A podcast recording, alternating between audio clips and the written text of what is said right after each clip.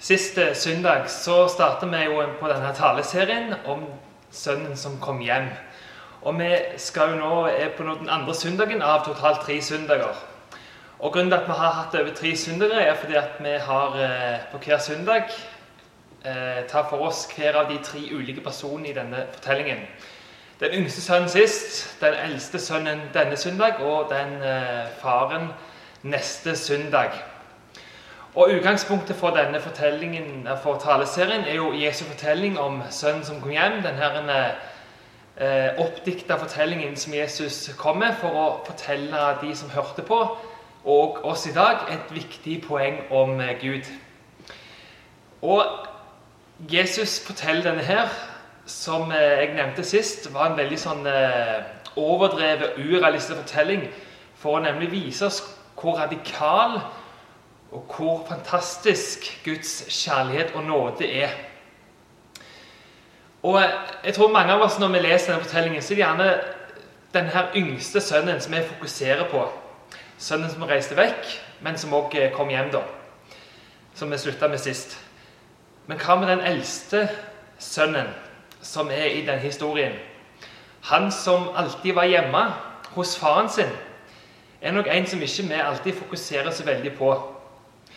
Vi har jo tatt eh, utgangspunkt i denne taleserien òg eh, ut ifra hvordan eh, en prest, nå avdød, som heter Henry Newen, skriver om denne fortellingen i sin bok, hvor han da tar for seg hver av disse tre personene i ulike kapitler.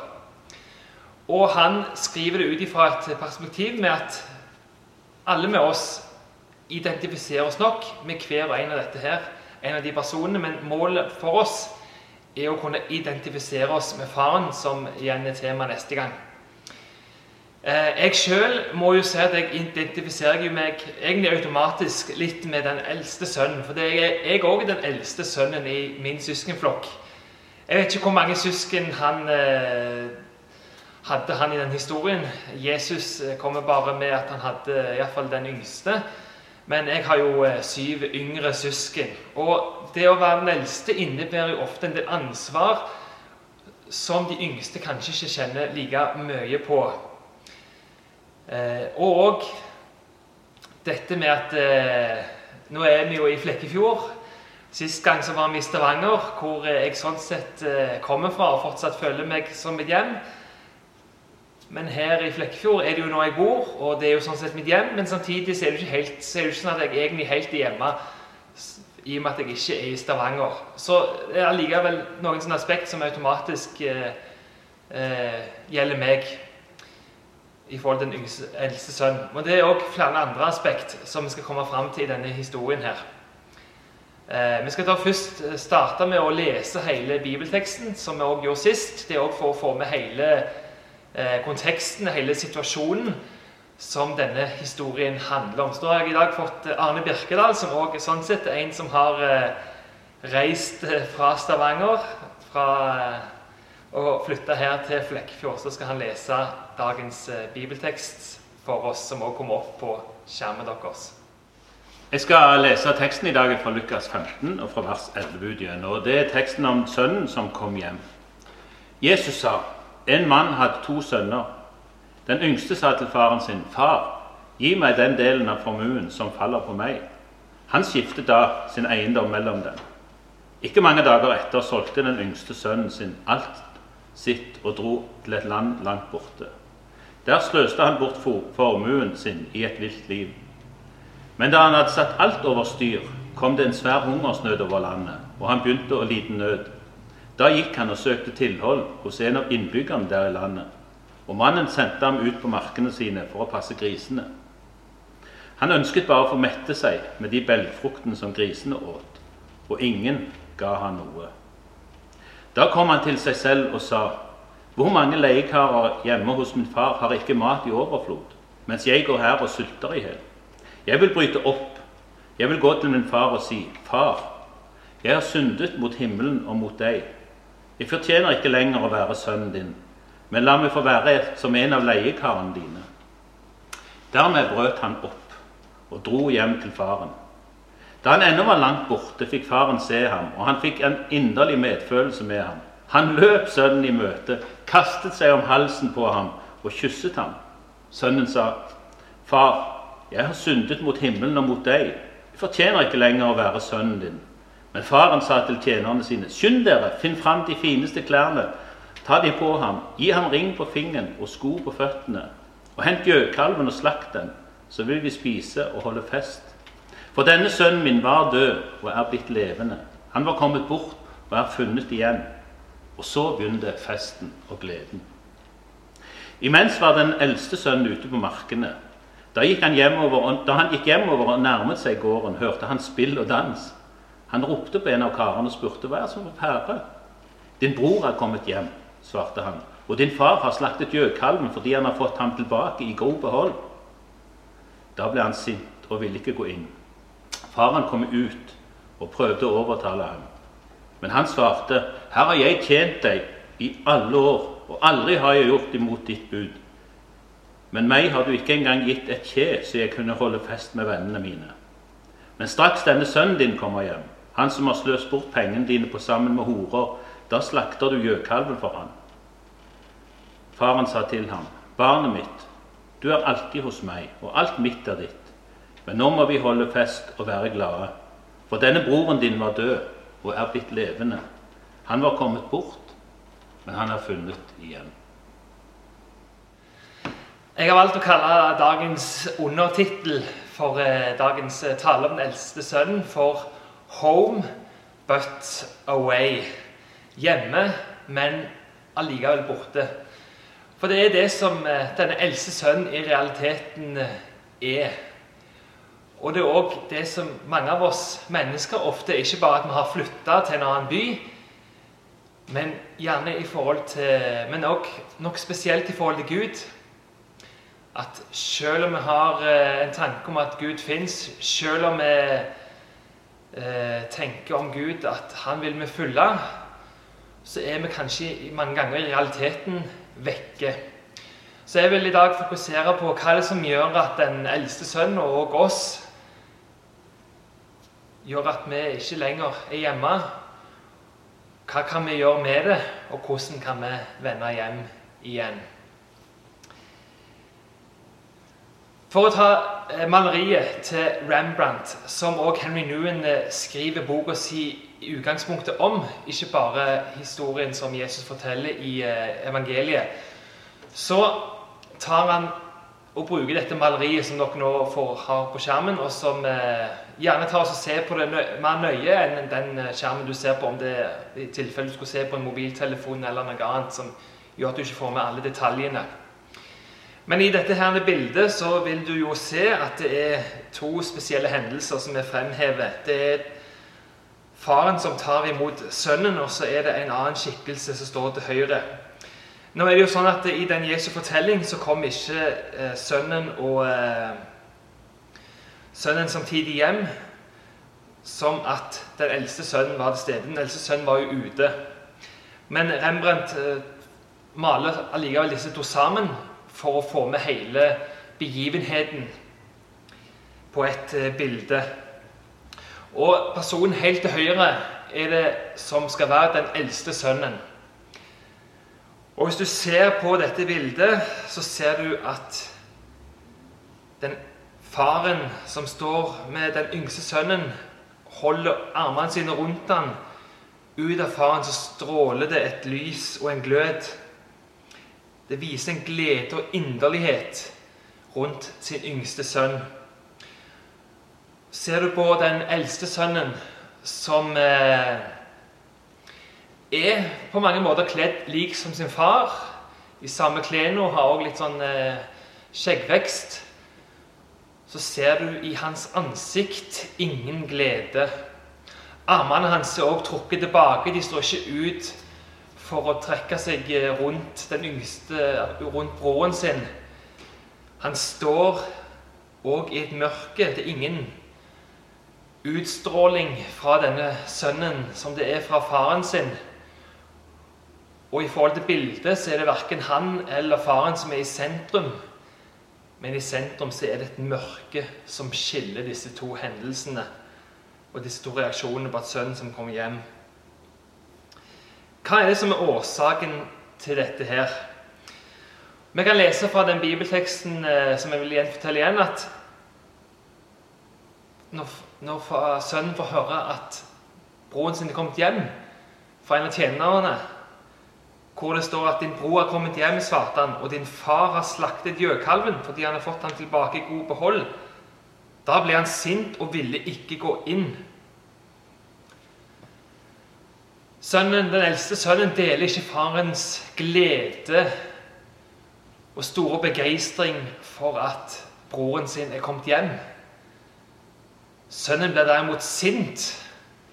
Og når han kommer hjem fra en lang arbeidsdag og får høre dette her, at årsaken til den svære festen som pågår, er at denne broren hans, som tok arven sin og reiste vekk, er kommet hjem, og at det er en svær fest pga. dette her, da blir han sint. Og den eldste sønnen velger dermed å ikke sjøl gå hjem. Vi er som eh, den eldste sønnen. Vi kan òg være som den eldste sønnen ut ifra en del av våre reaksjoner og hvordan vi tenker. Hva er det den eldste sønnen gjør som gjør at han ikke er hjemme?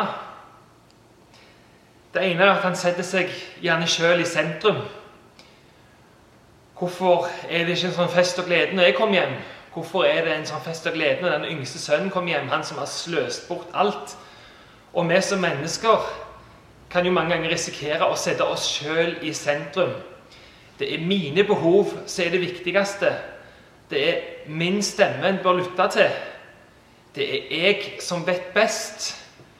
Og når vi tenker og handler ut ifra det, så er det en konsekvens at vi dessverre blir som den eldste sønn og forlater hjemmet hos Gud.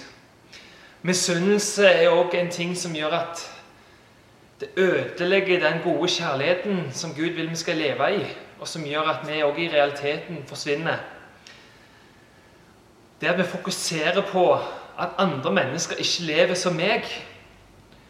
At det er jeg og min levemåte som er den rette og fokusere på at andre bør gjøre sånn som meg. Og hvis ikke, så er det et gjerne sinne mot de andre menneskene fordi at de ikke gjør sånn som meg.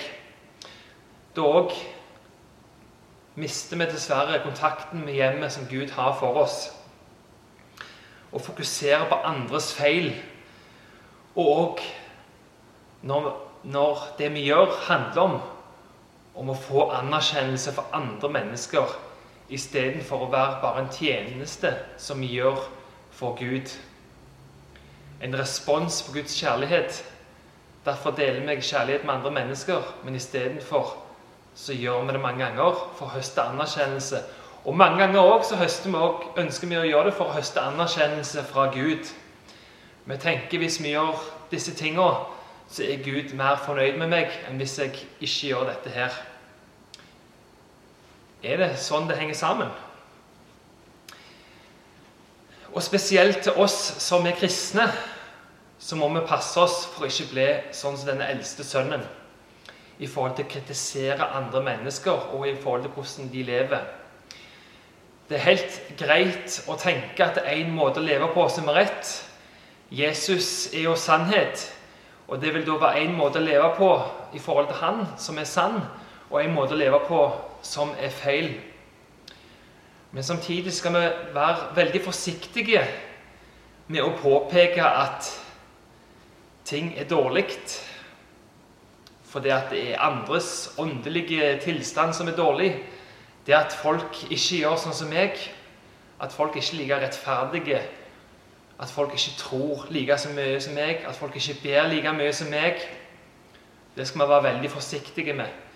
Og Jesus fortalte sjøl en annen historie som handler om det, i forhold til å være forsiktig med å se ned på andre mennesker.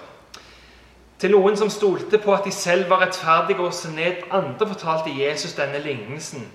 To menn gikk opp til tempelet for å be. Den ene var fariseer, den andre toller. Fariseeren stilte seg opp for seg selv og ba slik.: Gud, jeg takker deg for at jeg ikke er som andre mennesker, de som svindler, gjør urett og bryter ekteskapet. Eller som den tolleren der. Jeg faster to ganger i uken og gir tiende av alt jeg tjener. Alt jeg tjener. Tolleren sto langt unna og ville ikke engang løfte blikket mot himmelen, men slo seg for brystet og sa, Gud, vær meg synder nådig.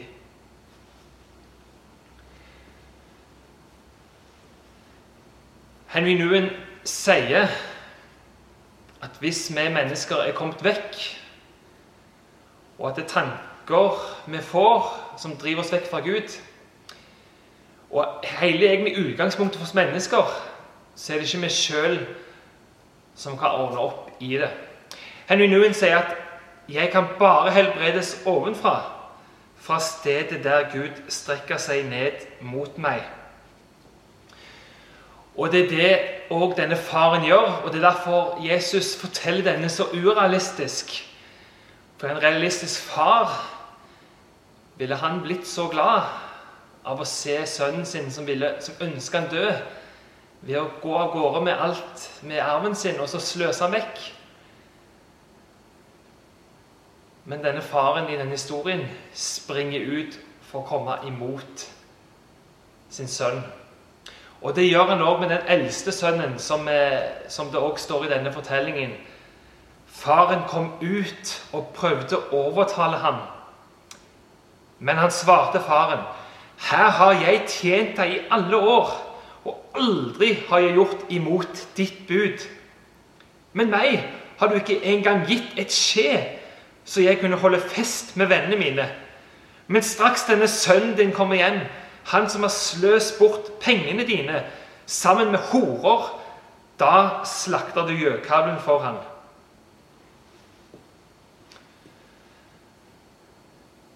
Den eldste sønnen vil ikke gå hjem. Men faren, som allerede tatt imot den yngste, springer jo ut for å ta imot den eldste sønnen i fortvilelse når han hører at den eldste sønnen ikke vil komme inn. Den eldste sønnen var han som ble igjen. Men hvorfor var det at han ble igjen? Var det pga. plikt? Eller var det fordi han virkelig hadde tatt del i den utrolig store kjærligheten fra sin far. Så han ikke, eller tok han ikke del i denne kjærligheten, og han gjorde ting bare ut ifra det han mente var rett, det var plikt, eller at han skulle ønske å få belønning for faren sin. Og det er noe som vi som spesielt kristne må også passe oss for. Lever vi livene sånn som vi gjør pga. at det er en respons for den kjærligheten Gud har vist meg? Lever jeg virkelig i Guds kjærlighet? Eller lever jeg i det jeg gjør, for å oppfylle en type plikter, lover, for å høste anerkjennelse fra vår Far i himmelen? Henry Noon sier at det som er helt sikkert, er at Gud alltid er der, alltid klar til å gi og tilgi, helt uavhengig av vårt svar. Farens respons til begge sine sønner er den samme. Han vil komme ut og ta imot dem. Han vil ha dem hjem. Han vil ta dem hjem til sin kjærlighet. Men det er begge sønnene som må ta imot denne invitasjonen. Men farens reaksjon, Guds reaksjon, er den samme uavhengig vår reaksjon. Gud står alltid klar til å tilgi, alltid klar til å gi oss kjærlighet. Alltid klar til å ønske oss hjem igjen. Men han tvinger oss ikke inn i noe som vi sjøl ikke vil ha del i. Både den yngste sønnen og den eldste sønnen hadde forlatt hjemmet sitt. Hvordan er det da den eldste sønnen og vi som ofte gjerne kan gjøre som den eldste sønnen, kan få komme hjem igjen. Hvordan kan det skje? Det første for oss er at vi må bli klar over at vi er kommet vekk. Den yngste sønnen kom til en erkjennelse av at han hadde synda, og det han hadde gjort, var, ikke, var feil. og han valgte da å gå hjem. Vi må innrømme med oss sjøl at det er noe ved vårt forhold til Gud som er feil. Vi anerkjenner ikke Gud som den han er. Vi tror at det er opp til oss om han vil gi oss kjærlighet eller ikke. Vi har ikke helt tatt til oss betydningen av nåde. Det at alt det Gud gir oss, er ene og alene ut ifra Guds godhet. Så for at vi i første gang må få komme hjem og bli klar, er at vi må bli klar over hvor vi er. Bli over at vi ikke lenger er hjemme.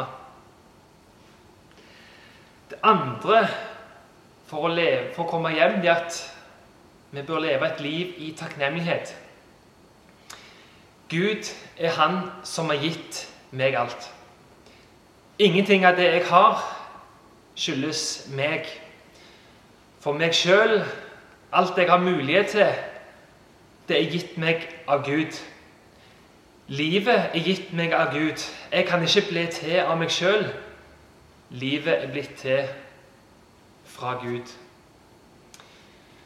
Og det, Hvis vi kan leve et sånt liv i takknemlighet istedenfor tanke om at Gud skylder meg noe, eller denne personen her skylder meg noe, så vil det gjøre noe helt annet i forhold til det å leve livet hjemme hos Gud.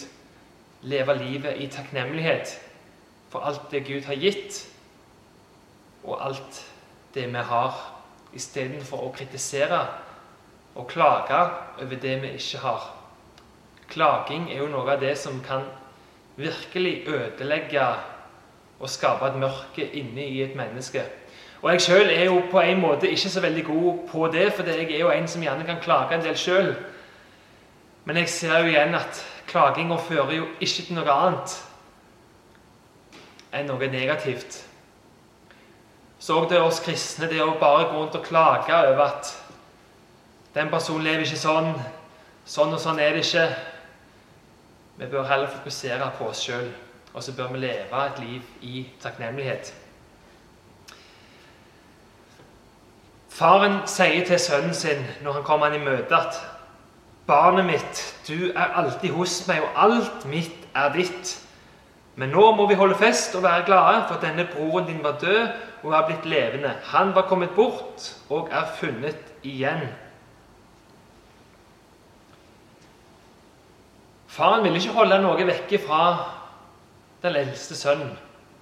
Han minner han igjen på om at alt mitt er ditt. Og sånn er det også Gud har gjort i forhold til oss. Gud har jo gitt oss denne verden. Gud har gitt oss det vi har, for at vi skal ta vare på det, og vi skal dele det, og få være takknemlige. Alt ligger til rette for oss mennesker.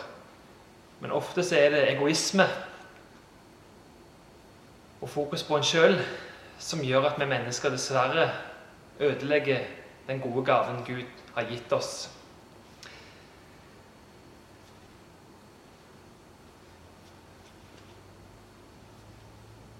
Jesus er òg et barn av Gud. Jesus er jo Guds sønn. Guds egen sønn. Og I forhold til å være hjemme hos Gud så er det nettopp forholdet mellom Jesus og sin himmelske far vi bør ha som et eksempel til etterfølgelse for oss. Mellom Jesus og sin far i himmelen så var det ingen avstand. Ingen avstand. De var fullt og helt ett i vilje, i sannhet. Og det er det vi trenger å være. Og Derfor er det Jesus ber en bønn for sine etterfølgere, for oss i dag, hvor han sier i evangeliet til Johannes at må de alle være ett, slik som du, Far, er i meg og jeg i deg. Slik skal også de være i oss, for at verden skal tro at du har sendt meg. Og for at det skal må skje, så må vi for det tredje virkelig ta til oss Guds kjærlighet. Tro Guds kjærlighet. Tro at kjærligheten Gud har til deg, ikke er ut ifra det du får til eller ikke. Tro at kjærligheten er kun ut ifra Guds nåde. ut ifra det at Gud elsker deg like høyt, uansett hva du får til eller ikke, og at Gud gir deg muligheten til å leve i denne kjærligheten og dele den med andre mennesker, da kan vi virkelig få være hjemme hos Gud. Og hvis vi kan være ett med vår far, og vi kan være ett med hverandre, så vil vi heller ikke lenger kritisere hverandre, se ned på hverandre, men da vil vi elske hverandre sånn som så vår himmelske Far elsker sin sønn Jesus, og sånn som Jesus elsker oss og ga livet sitt for oss og ga oss muligheten til å komme hjem ved sin oppstandelse fra de døde. Lignelsen til Jesus og maleriet til Rembrandt får ingen konklusjon i forhold til den eldste sønnen. Vi får ikke vite om han kom hjem eller ikke. Den bare stopper der. Men vi kan vite at Guds kjærlighet var like sterk til begge to. Fordi vi får ikke vite svaret som de gir, som eldstesønn gir til Gud. Men invitasjonen om å komme hjem og få ta imot kjærligheten fra sin far står like sterkt òg den eldste sønnen. Men om ikke den eldste sønnen i denne historien får en konklusjon på historien, så har du en mulighet til å få en konklusjon på din historie, på invitasjonen som du har fra Gud i forhold til å komme hjem. Gud gir deg en mulighet nå til å ta imot den invitasjonen til å komme hjem. Du får mulighet til å se det som du trenger å legge av deg, det som du kan gi til Jesus. Det mørket som måtte være mellom deg og din far i himmelen. Sånn som det mørket var mellom den eldste sønnen og eh, faren og sønnen, den yngste sønnen etter maleriet. Dette mørket er det Jesus gir oss muligheten for at vi kan få vekk. Jesus er den som stiller seg i midten og tar vekk mørket og erstatter det med et lys, for at vi skal få se hvor høyt Gud elsker oss, og at vi skal få ta, kunne gå til vår himmelske Fars åpne armer. Så oppfordringen og spørsmålet mitt i dag til deg er Vil du komme hjem, mitt elskede barn, og ta imot og ta del i min kjærlighet og glede.